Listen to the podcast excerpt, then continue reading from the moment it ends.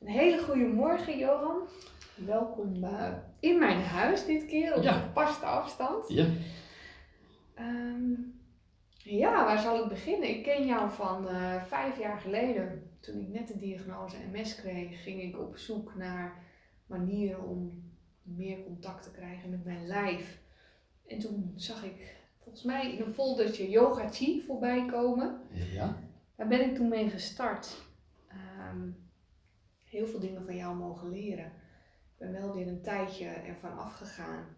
En eh, inmiddels weer terug bij jou op les. Helaas nu even niet in de coronatijd. Maar jouw manier van lesgeven en ook wat ik heb mogen leren tijdens de Yoga Chi past zo mooi bij ja, hoe ik inmiddels ben gaan kijken naar ziekte en genezing. Dat ik dacht, hoe mooi is dat als heel veel mensen daar ook meer informatie over krijgen. Dus vandaar de uitnodiging en gelukkig zei jij ja. Wil jij jezelf eh, even kort voorstellen, want wie is Johan? ja, mijn naam is eh, Johan en ehm, nou, ik ben vanaf eh, ja, 1970 bezig met ehm, yoga. Ik begon toen op de Social Academie, waar ik naartoe ging, omdat ik geïnteresseerd was in nou, hoe, hoe werkt communicatie en ook eh, hoe zit ik zelf in elkaar. Zo is het allemaal begonnen en daar kwam ik ook in aanraking met eh, de yoga. Daar vond ik ook mijn, eh, nog steeds mijn, ja, mijn yoga leraar en ehm, zo is het begonnen. En hoe oud was jij toen? met Johan? 20, 20 jaar. 20. En inmiddels ben je? 71. Ja. En ik ben er nog steeds mee bezig. En nou, tot, tot mijn laatste snik. Tot je laatste De stuk. laatste ademtocht heet het eigenlijk, hè? Ja. Ademtocht. Ja, wat mooi. En hoe kwam het dat, dat yoga in één keer in jouw leven kwam? Was er een bepaald moment of werd je ergens door geraakt? Of hoe, hoe was dat bij jou? Ja, nou, ja, ik kwam in een, ehm, ja, in, in een college terecht en daar eh, eh, sprak een oude man. En in de eerste aanleg dacht ik ook, ja, waar moet die oude man hier? En eh, toen hoorde ik hem tien minuten praten. Dacht ik, hé, wat zegt die eh, bijzondere dingen? En dat raakte mij. En eh, ja, ik liep daar de hele week mee rond. En in het tweede college, toen wist ik het, dat is mijn leraar. En wat gaf hij voor les? Oosterse filosofie. En nou, hij vertelde ook over ehm, dat hij eh, een overlever was van het Japanse concentratiekamp. En eh, nou, dat sprak mij eh, bijzonder aan, hoe, hoe, ja, hoe je kan overleven in, in verschrikkelijke omstandigheden en daar jezelf kan blijven. En ik heb ook heel veel mensen gesproken die leefden toen nog, ook uit, nou ja, hier, nou ja, uit de Europese kampen, net de Duitse kampen. En ik vond het altijd ontzettend eh, boeiend. Dan kon ik ademloos luisteren hoe mensen dan eh, dat overleefden. Dat vond ik altijd ontzettend boeiend. Ja. Dus dat was het moment waarop jij dacht, hier wil ik meer van weten. Ja, hoe, hoe, hoe krijg je het voor elkaar om, om vanuit een. ehm, ja, dat je, dat, je, dat je jezelf bij elkaar kan houden. Eh, en dat je niet eh, in de angst leeft en niet in de wrok en in geweld. Dat je bij jezelf kan blijven in, eh, ja, in die omstandigheden. Ja. En ben je toen een opleiding gaan volgen of hoe is dat gegaan? Ja, toen, toen wou ik meteen bij hem in de opleiding. En toen zei hij, nee, je moet eerst je opleiding, je, je, je, de academie, sociale academie, die moet je eerst afmaken. Maar goed, binnen een jaar zat ik al in, bij hem in de opleiding, want ik wilde heel graag. Ja. Nou ja, toen mocht het. En wat voor soort opleiding was dat? Eh, voor yogaleraren. En daarnaast had hij ook eh, de, de, een, een, eh, een denkwijze, een filosofie, en dat sprak mij het meeste aan. En die was gebaseerd op de Veda's, op ehm, de Tao Te King, of eh, ehm, de Bhagavad Gita, ehm, boek de grote voorschriften van, vanuit het boeddhisme. Nou, hij, hij haalde al die stromingen, die wezenlijke stromingen, haalde hij erbij. En dat, eh, ja, dat boeide mij enorm. En En toen kwam ik in aanraking met zen, met, met boeddhisme, met dit, met dat. En ja, wat mij toen al het meeste raakte was uh, de Tao. En waar staat Tao voor? Ja. Kun je dat uitleggen überhaupt? Nee, nee iemand, dat is ook de, de, de denkwijze en gedachte. Het Tao wat je kan uitleggen is geen Tao. Dat is onmogelijk. Het Tao is het niet weten. We weten het niet. Nee. Het is ook een illusie te denken dat je iets weet. Je weet het niet. En het enige uh, waarmee je kan werken is um, met de verschillen die het opbrengt. We weten niks over onszelf. We weten niks over de geest. We weten niks van de materie. Ja, iets van atomen en nog wat. Maar als je dan vraagt aan natuurkundigen, dan zeggen ze ja, eigenlijk weten we heel weinig. Ja, sterrenstoffen staan we uit. Maar eigenlijk weten we heel weinig. We doen wel heel uh, pretentieus. Maar het enige en het hoogste wat we kunnen halen is verschilsbewustwording uit eenheid. Dat heb ik geleerd. Oh, mooi.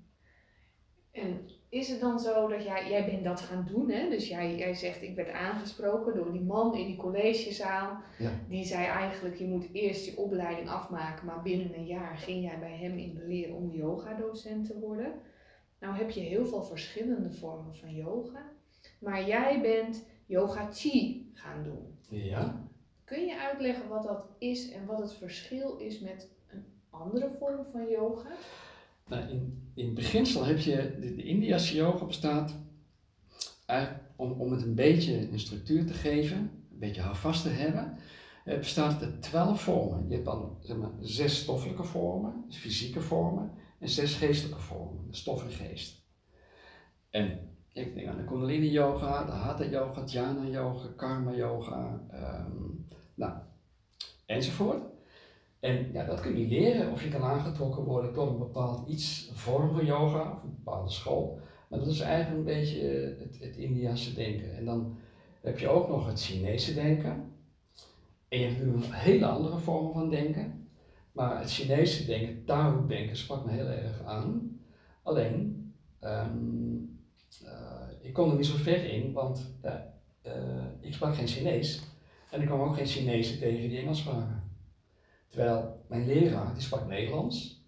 En ook, uh, ik kon ook naar andere bijeenkomsten toe. Naar, naar, ja, naar India's yogis.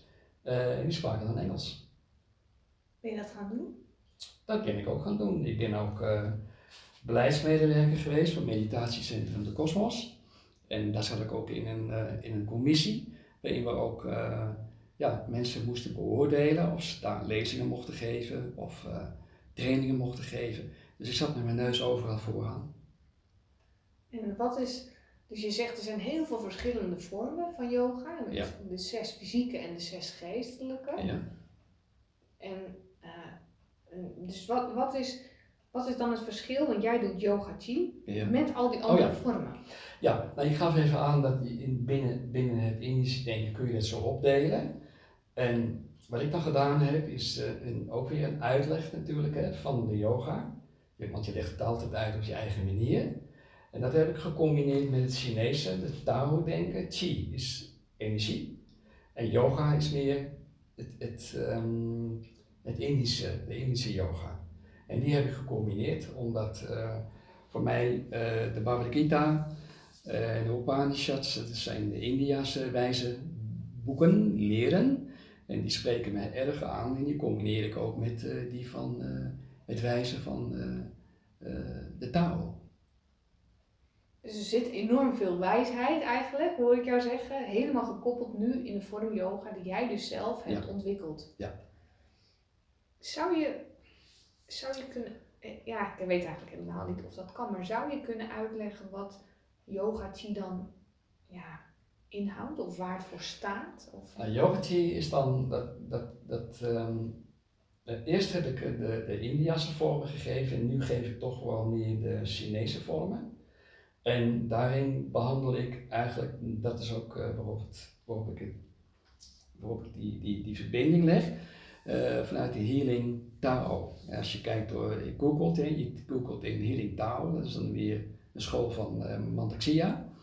Uh, die is erin geslaagd om hele complexe dingen um, heel praktisch en heel um, toegankelijk te maken voor mensen. En dat heb ik ook voor een heel groot deel ingebracht in yoga Dus hoe kun je zo praktisch mogelijk uh, best wat moeilijke onderwerpen praktisch mogelijk overdragen naar mensen? En staat het dan ook in het teken van healing? Ja. Ja, ja in, in de hele, ook in de healing taal heb je dan dat je, je, je schoont je op, uh, eerst op het fysieke niveau, dan op het uh, emotionele niveau, dan op het psychische niveau. En op het moment dat je daar jezelf meer in balans hebt gebracht, je hebt jezelf opgeschoond, je hebt jezelf ontgift, en dan kun je ook naar een, een geestelijke ontwikkeling. En je moet, wil je je geest ontwikkelen, moet je wel de, de, de fysieke, de emotionele en de psychische lagen uh, doorgrond hebben, verwerkt hebben. En daarmee toch wel een mate van balans hebben bereikt. En jij doet dus eigenlijk tijdens de lessen die jij dan geeft, geef je dus oefeningen die dat opschonen op verschillende niveaus. Ja, en dan, dat doe ik dan uh, met uh, um, de methoden van de innerlijke glimlach, dus niet de televisieglimlach, hè, maar een innerlijke glimlach. En uh, met de vijf helende klanken denken mensen vaak aan klankschalen, dat je de klanken zelf brengt in je eigen organen om jezelf op te schonen. En via de kringloop, dat is ook het, ook, en dan via de fusie. En de, je hebt heel veel stappen hoe je jezelf verder kan ontwikkelen. En dat geef ik ook aan de mensen die daar belangstelling voor hebben. Want wat is ziekte dan volgens jou eigenlijk met alle kennis en wijsheid die jij hebt opgebouwd? Nou ja, kennis en wijsheid is zullen altijd, ja, eh, altijd, ja, altijd natuurlijk, het is hoe je het uitlegt, hè. Um, ziekte en gezondheid. Um, nou, en dan, ja, dan kan ik me heel erg eh, goed uh, vinden in de, Chinese opvatting. Het ziekte is eigenlijk blokkering van chi in je, je lijf. En op het moment dat je de chi in je lijf weet te doorstromen, en je weet je op te schonen, je weet je te ontgiften, en je lichaam kan weer die levensenergie door je heen laten lopen, en je maakt weer goede verbindingen, je maakt balans, dan uh, kan je lichaam helen. Het is um, dat de mens uh, zelf oorzaak en gevolg geeft aan zijn leven. En dat zijn we kwijt. Uh, de mensen, de wijze op hoe we maatschappelijk geconditioneerd zijn, mensen zijn gecompartimenteerd, zijn eigenlijk opgedeeld. En op het moment dat je gaat en je ontwikkelt je ook naar eenheid, dan heb je ook verbinding naar buiten toe en je verbinding oneindig naar binnen, oneindig naar buiten. Want je bent niet uh, opgedeeld. Er is geen begin, er is geen einde. In de natuur is alles doorlopend. En uh, wat we leren, zeker op een westerse manier, het is alles af te scheiden. Dus voor een schoenmaker ga je naar de schoenmaker, voor je tanden ga je naar een tandarts, voor je dit ga je naar die specialist, voor je dat ga je naar die specialist. En stel hè, uh, je bent patiënt, dan is het heel lastig als je in het ziekenhuis komt, um, je eigen manager te zijn. Want op het moment dat je het ene hebt en het andere, elke specialist praat uit zijn eigen straatje. En er is ook in de medische wetenschap heel weinig samenhang.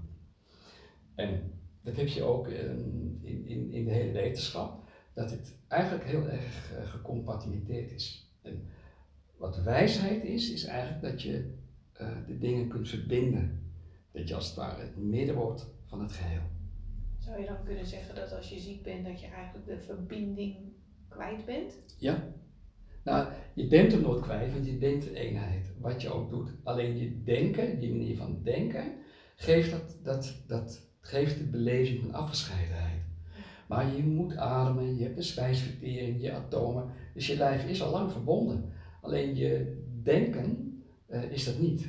Dus eigenlijk moet je, je moet niks, maar met je denken kun je leren om weer verbinding te maken. Want denken geeft handelingen en handelingen geven je denken. Maar voordat je met je denken bezig kan gaan, uh, dien je ook bij je emoties te kunnen komen. Dus ook in de Tao, in de healing Tao, begin je altijd eerst met je emoties. Opschonen van je emoties. Of eigenlijk nog eerder, begin je met je lijf. dus probeer gezonder te eten en al die dingen, meer gezonde lucht. Nou, in ieder geval het fysieke. En eh, dan doe je die volgende stappen om uiteindelijk uh, de eenheid te bereiken. En in de Tao wordt het genoemd onsterfelijkheid. Dus even te verwerken wat je allemaal zegt. Veel hè? Ja, ja. maar ik vind het wel heel boeiend. Maar misschien moeten we concreter worden. Je hebt um, in, de, in de taal heb je hele, of in de healing taal, heb je hele duidelijke stappen hoe je dan omgaat met je gezondheid. Hoe je omgaat met um, ziekte en hoe je je kan genezen van je ziektes. En dat doe je met vijf elementen. Dat is de basis van de Chinese geneeskunde. En die vijf elementen, die zitten ook in je lijf. Dus je gaat eerst fysiek ga je oefenen. Dus je gaat naar je vijf yin-organen.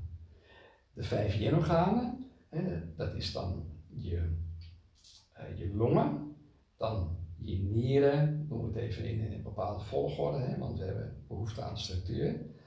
En dan naar je lever, dan naar je hart en dan naar je mild. Nou, daar ga je mee aan de gang. En bij die organen daar uh, zijn ook emoties gekoppeld. En die heb je weer negatief en positief. Negatieve emoties zijn geblokkeerde emoties, ook waar je ziek van wordt. Positieve emotie is eigenlijk chi die stroomt. Dus de hele clue is, als je je negatieve emoties kan transformeren in meer positieve, dan krijg je meer balans tussen negatief en positief. Want als je alleen maar positief hebt, is ook niet goed. Dus je moet ook een mate van negatief hebben om te weten wat positief is. Heb je weer de verschilsbewustwording tussen het een en het ander, als weet je nooit wat het een en het ander is uit eenheid. En is het dan zo dat elk orgaan ook voor een bepaalde emotie staat? Ja, ja. Nou, bijvoorbeeld beginnen met je neus, ah, een beetje met je longen. Uh, nou, je longen op zich, ja, de vraag is die, hè.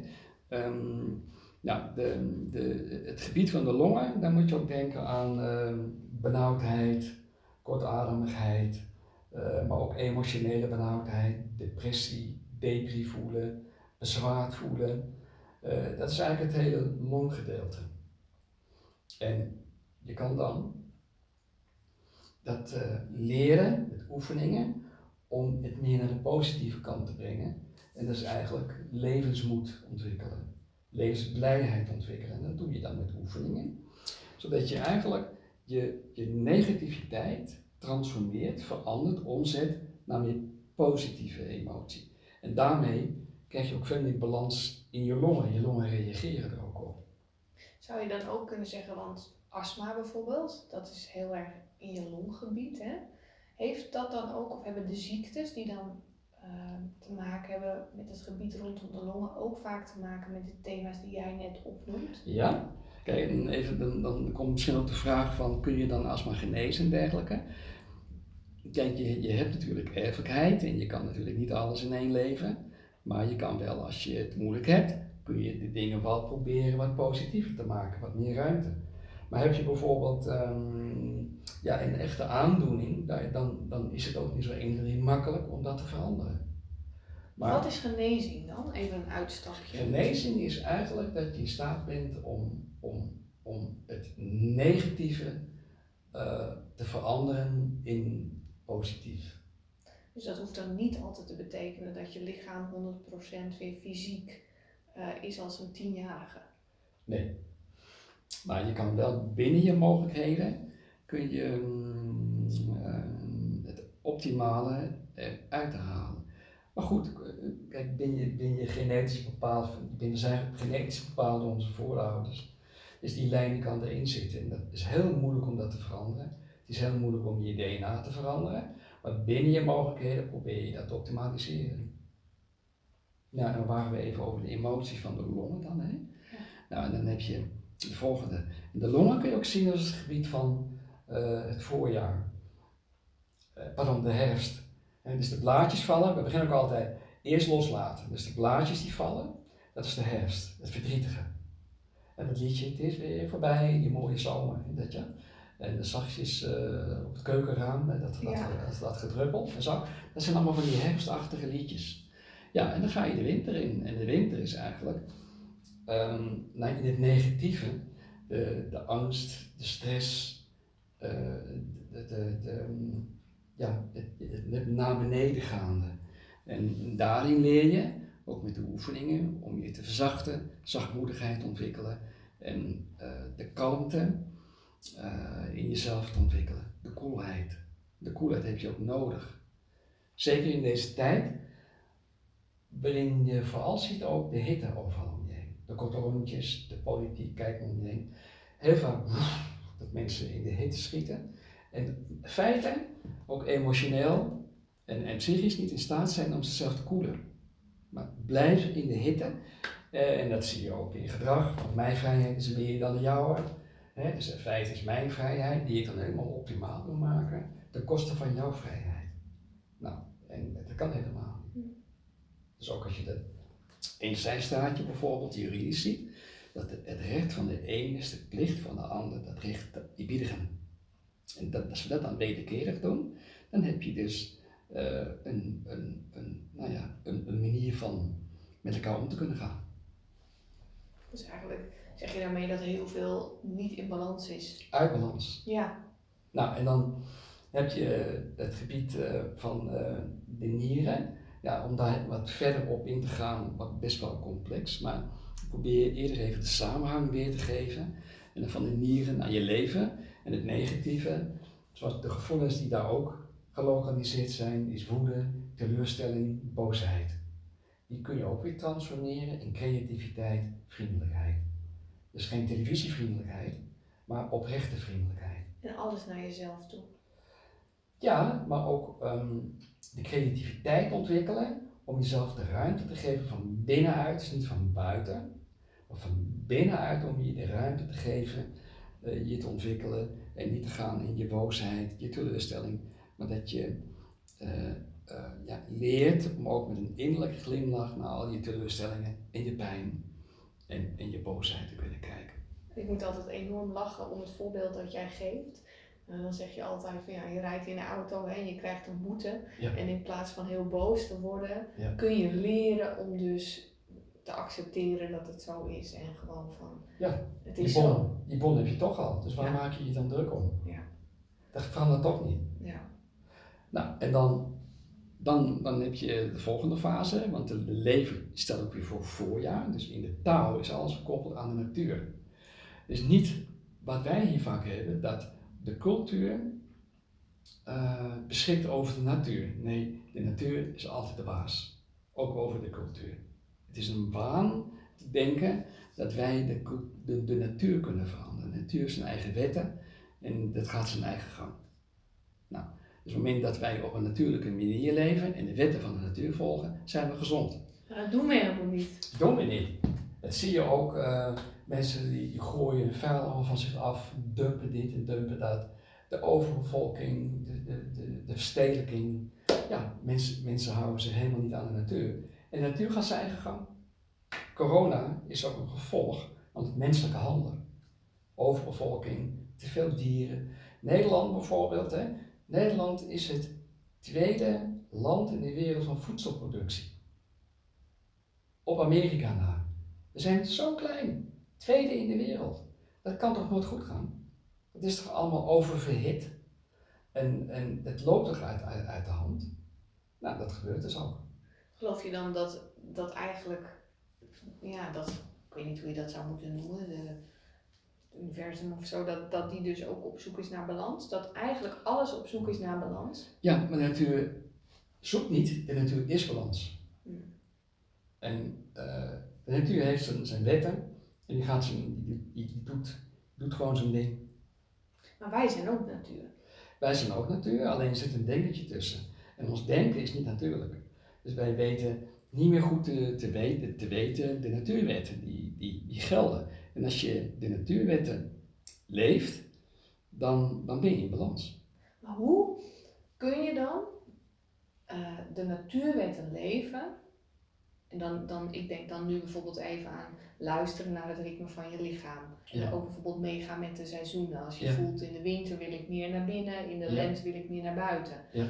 En dan weet ik dat er veel mensen zijn die dan bijvoorbeeld zeggen, ja dat is allemaal leuk, maar ik heb wel gewoon een hypotheek eh, te betalen. En hoe ga ik dan lekker volgens de wetten van de natuur leven? Dus hoe kun je nou binnen deze maatschappij, zoals het nu is, toch dat ritme van je, van je eigen natuur leven?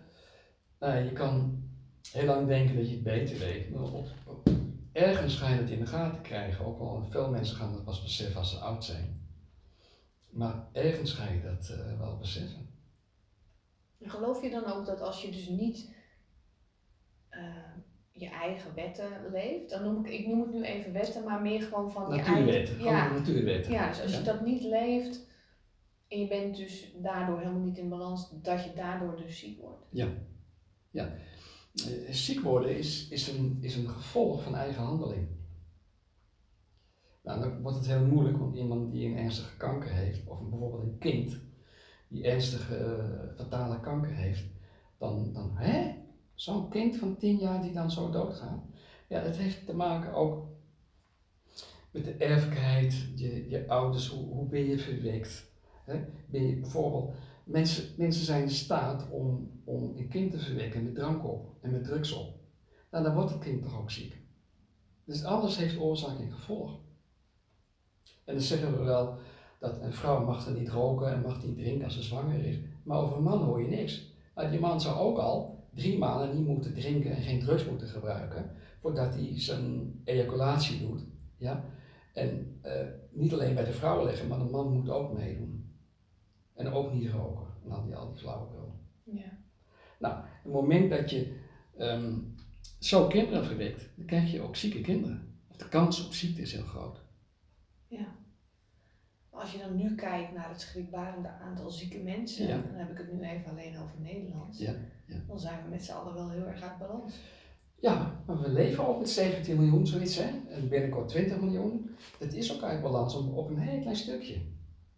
En ehm, ja, hoe het ook allemaal doen, alles heeft gevolgen. En de mens heeft een neiging om zijn eigen veroorzaking te ontkennen in zijn gevolgen. Je bent je gevolgen, je bent je veroorzaking.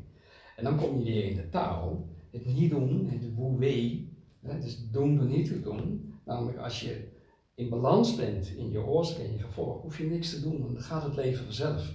Dan is het leven moeiteloos. Maar als je gaat goochelen met oorzaak en gevolg, word je ziek. Loopt het uit de, uit de handen. Dus nu kijk ik, hem- ik leg hem even op mezelf neer. Ik heb vijf jaar geleden heb ik diagnose MS gekregen. Ja. Als ik dat dus nu leg over wat jij allemaal vertelt, dan zeg je eigenlijk, ik, was, ik leefde uit balans. Dus ik leefde niet volgens de natuurwetten of ook wat bij mij paste. Dus ik werd ziek. En dan zitten daar misschien ook erfelijke factoren in of hè, eh, omgevingsfactoren, wat je gegeten hebt. Alles. Eigenlijk zeg jij alles. En nu voel ik me veel beter.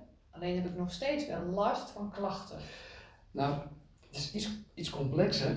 Van, eh, je hebt geleefd op de manier zoals je dat, dat deed. En later kom je erachter van, oh, zo zit dat. Dat was dit en dat was dat. En het is niet zozeer je persoonlijke schuld, want je hebt ook alles maar aangeleerd gekregen. Je hele zelfbeeld. Van ehm, hoe je opgevoed bent, hoe je op school bent geweest. En voordat je zelf gaat denken, dat is een heel proces. Maar heel veel mensen zijn gewoon het product van een omgeving. En dat je ziek wordt, dat is ook oorzaak en gevolg. En dat jij dan eh, eh, met deze nare aandoening er zit, dat is niet zomaar iets, iets, iets wat jij gemaakt hebt, maar dat is een, een, een reeks van, van oorzaken en gevolgen die dit nu openbaart. En het gaat er niet over eh, dat jij nalatig bent geweest of schuldig bent. Het komt op je pad. Je, je hebt het ook maar gekregen van je ouders. In, aan, aan weerbaarheid, aan immuunsysteem en aanleg. En dat is jouw pad om, om hiermee eh, ja, mee te leven en, en daar een balans in te vinden. En jij zegt net, hè, dat zei je net van genezing is dan weer het beste maken van de situatie waar je in zit. Ja, Eh, dat is volgens mij wat ik nu heel erg aan het doen ben. ja, Ehm, ik zie mezelf ook als genezen. Ik zie mezelf niet als ziek. Maar als ik kijk naar het hokje zoals de medici mij bestempelen, heb ik nog steeds een diagnose MS. Dus ben ik nog steeds chronisch ziek. Is daar, als je dan naar jouw zienswijze kijkt, een verschil tussen ehm, fysieke genezing en, en je beleving, laat ik het zo zeggen? In feite grijpt het, hè, je, kan zeggen, je kan het opdelen, je kan het onderscheiden vanuit eenheid. Alles is eenheid, alleen we beleven dat als tweeheid, als dualiteit.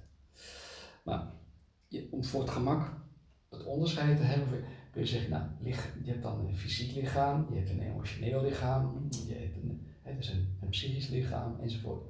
Maar in feite ligt grijpt het allemaal in elkaar.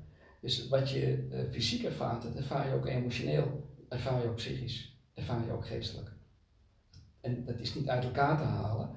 Alleen door het te benoemen en om het onder woorden te brengen, maak je een onderscheid. Als je het onderscheid maakt, je verenigen van alles is één. Ook al ben je ziek, dan nog ben je in die eenheid aanwezig. Je kan nooit uit de eenheid stappen. En in die eenheid heb je oorzaak en gevolg en het heeft een bepaalde loop. Alleen oorzaak en gevolg denken, daar schrikken mensen van, want dat is zo gekleurd door het godsdienstige uh, uh, godsdienst. Want de godsdienst hebben gemaakt van oorzaak en gevolg, schuld en boete. Maar daar heb ik het niet over. Ik heb het over natuurwet, geen godsdienst. Nee. Dus je bent niet schuldig. Het is niet je eigen schuld, dikke bult. Maar het is een gevolg van allemaal veroorzakingen wat we nu zijn. Dus als wij nu goede of meer of passende oorzaken uh, gaan inzetten, hebben we ook die gewenste gevolgen. Maar het meeste is onbewust. Dus wat jij bent, uh, is een reeks van dingen die, die hiervoor lagen. En nu word je, of minstens de laatste jaren, word je je bewust van hé, hey, misschien heb ik daar wat ruimte in. Misschien kan ik een aantal dingen beter gaan doen. En dan ga je zoeken naar je balans. Maar het heeft niks te maken met uh, schuld of boete. Kan iedereen zijn, zijn of haar eigen balans weer vinden? Ja. Hoe doe je dat? Door zelfacceptatie. Door naar je zachtheid te gaan. En um, um, is dat dan de acceptatie van moment zoals hij nu is, dus met alles wat er nu is? Ja, dus, met alle onhebbelijkheden. Dus al, ook al ben je nu doodziek ja. heb je te horen gekregen, ik heb nog drie weken te leven. Ja. ja, als je dat te horen krijgt, uh, nou, dan, dan krijg je dat voor te kiezen. En je kunt wel um, het onrechtvaardig vinden dat je gaat sterven. Maar het is wat het is en wees daarbij. En, en, en, en de kunst is dan, of de kunde is dan, uh, dat je dat je de zachtheid kan ontwikkelen en ernaar durft te kijken. En uh, nou ja, als je dan gaat sterven, dat je daarin gaat. Maar hoort daar dus ook bij dat je van jezelf accepteert dat je bijvoorbeeld boos bent, dat je verdrietig bent, dat je dus ook al die stukken accepteren van jezelf. Ja, al je onhebbelijkheden.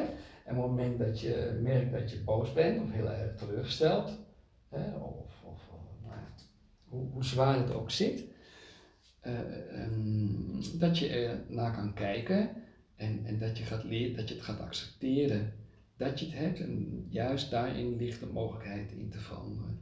Dus van, positief, van negatief naar positief te gaan. Als je dan weer kijkt, we waren dan bezig met de, de, de, de in het voorjaar. Hè? Nou, en dan heb je de volgende fase, is het hart. Nou, en dan heb je bijvoorbeeld je ergernissen, je, je onmin, je lage zelfbeeld jezelf afwijzen, anderen afwijzen, afkeuren. Ja, je, leert dan de liefde, het is niet de andere wang, maar je leert de liefde inside. Dus niet naar buiten, maar naar binnen. en dat betekent jezelf accepteren, daar begint het mee. Het begint in niet jezelf veroordelen, op te houden, jezelf uh, af te wijzen en jezelf um, ja, lief te hebben in, in wat je bent. Nou, dat is gewoon heel moeilijk. Hoe zie jij dat dan? Um, tegenwoordig is het heel populair, um, zeg maar het stuk. Um, dan hebben ze het over je kunt de beste versie van jezelf worden als je maar anders gaat denken. Of stel een doel en ga er elke dag aan werken. Hoe zie jij dit in relatie tot wat jij eigenlijk net noemt met ja. acceptatie van ja. alles? Nou, je moet niet je best doen. Als je je best doet, doe je het fout. Want als je het, goed- nou, dat misschien, hè? Als je het goed doet, dan is het oké. Dan heb je het goed gedaan. Maar moet je het beter, dan doe je het niet goed. En als je je best doet, dan doe je het helemaal niet goed. Want het moet beter. Of je moet je best doen. Dus als je het goed doet, is het klaar. Maar omdat wij in de prestatiemaatschappij, moet je steeds beter en beter. En dan word je alleen maar ongelukkiger. Ja, want het houdt niet op als je je doel dan bereikt hebt. We moeten weer meer, meer, meer. Nou, als je je doel bereikt hebt en je doet het op een, op een goede manier, dan lost het op. Bijvoorbeeld, heel simpel. Eh, nou ja, stel je, je, hebt, je hebt honger. Nou, en, en nou, honger, je hè. honger kennen we niet, maar je trek. Ehm, nou, als je dan een uur een knorrende buik hebt, dan zeg je, nou, ik ga toch een kopje soep eten. Dan heb je het opgelost. Is de knorheid in je maag is weg. En zo lossen we dingen op, fysiek, emotioneel, geestelijk enzovoort. Dus eigenlijk zijn we voortdurend bezig handelingen te verrichten die dingen oplossen. Op het moment dat je daar een, een, een handigheid in krijgt, je krijgt een structuur in, dan zeg je, oh, dan kan ik wel meer. Dus ik ga meer oplossen. En dan kom je in balans. En op het moment dat je dat balansgebeuren gaat begrijpen, dan kom je langzamerhand in een, in een beleving, hé, hey, er is wat meer dan de eenheid, dat je in eenheid leeft. En eerst moet je de beleving hebben in, ik moet balans hebben. Want in de eenheid is er ook geen ziekte. Maar het begrip, ook daar ziekte kan in de eenheid. Nou, een mens die zoveel mogelijk probeert in die eenheid te komen. Kijk, de natuur is één. En ehm, je probeert als mens zoveel mogelijk in die eenheid te komen. En dan, ja, dan zijn de ziektes ook minder dan wanneer je in verdeeldheid leeft. Gecompatibiliteerd leeft, afgescheiden leeft. Nou, als je dan leest de, de, de Indiase werken, de Chinese werken, de Upanishads, de Bhagavad Gita, eh, wees vrij van verdeeldheid. Eh, de, ook de, basisding van de yoga. Eh, nou goed, gaat misschien te ver. Maar de, de, de, de Bhagavad Gita spreekt ook voortdurend over, maak je vrij van de afgescheidenheid. Je bent verbonden, je bent de natuur. En de mens wordt ziek vanuit zijn afgescheidenheid, vanuit arrogantie. ehm, nou, in wezen, wat, wat de grondslag ligt aan, aan heel veel activiteit, is minderwaardigheidsgevoel. Een groot deel van wetenschappers ja, wordt gedreven door een minderwaardigheidsgevoel een titel te hebben, zodat als jij die titel hebt, kun jij je beter voelen dan iemand zonder titel. Ja, maar als je die dan eenmaal hebt, dan komt er weer iets nieuws. Maar je gaat je identificeren aan, aan wat je, waar je goed in bent. Maar dat andere, dat is er net zo goed. Ik bedoel, het is niet mijn uitvinding over minderwaardigheid, maar dat is van eh eh, ehm, Erich Fromm bijvoorbeeld, een leerling van Freud. En die heeft daar heel veel over gezegd, dat eh, de meeste wetenschappers worden gedreven naar minderwaardigheid. Het tekort aan eigenwaarde. Ja, ik denk ook dat dat een van de grootste oorzaken van ziekte is. Dat heeft ermee te maken. Maar ziekte is ook eigenlijk ehm erbij kunnen. In, eh, nou, bijvoorbeeld, ik heb een verbranding gehad, ik heb in Beverwijk gelegen. Eh, een, een hele zware verbranding, anders kom je dan niet te liggen, zes weken. Ja, en dan heb je dus een pijn en dan krijg je morfine, maar die pijn die is, die gaat door die morfine heen. En ja, wat kun je dan nog doen? Je, kan, je kan geen kant op. Je, kan bijna niet ademen van de pijn. Nou, en wat ik dan gedaan heb, is in een verzachting gaan, naar de pijn gaan, erin gaan. En eh, ja, en dan, dan, dan kom je ook, krijg je tegelijkertijd ook te maken met je, met je zielepijn. Nou, en dan had ik ook dat ik eh, eh, gewoon in mijn bedje lag te huilen, omdat ik eh, door kon gaan ook naar mijn ziel, waar nog allerlei dingen niet opgelost waren. Dat werd getriggerd door mijn fysieke pijn. En daar naartoe gaan, dat is ook heel helend. Denk je ook dat dat iets is wat mensen vaak niet durven? Of dat dat, wat, hè, zoals we nu ehm, dingen wel oplossen vaak, is dat als we wat hebben, dan krijgen we of een pilletje of je krijgt eh, hè, aan de buitenkant een soort fix. Hm? Maar naar de pijn toe gaan en daar echt ingaan, daar Ja. echt in durven zitten. Ja, that's me, dat ben ik, dit is mijn pijn, dit is mijn lijf. Daarvoor kiezen. Ja. Zorgt je- dat altijd voor heling? Ja, dat is de heling. Maar omdat we dus geconditioneerd zijn op eh, de genade van buitenaf.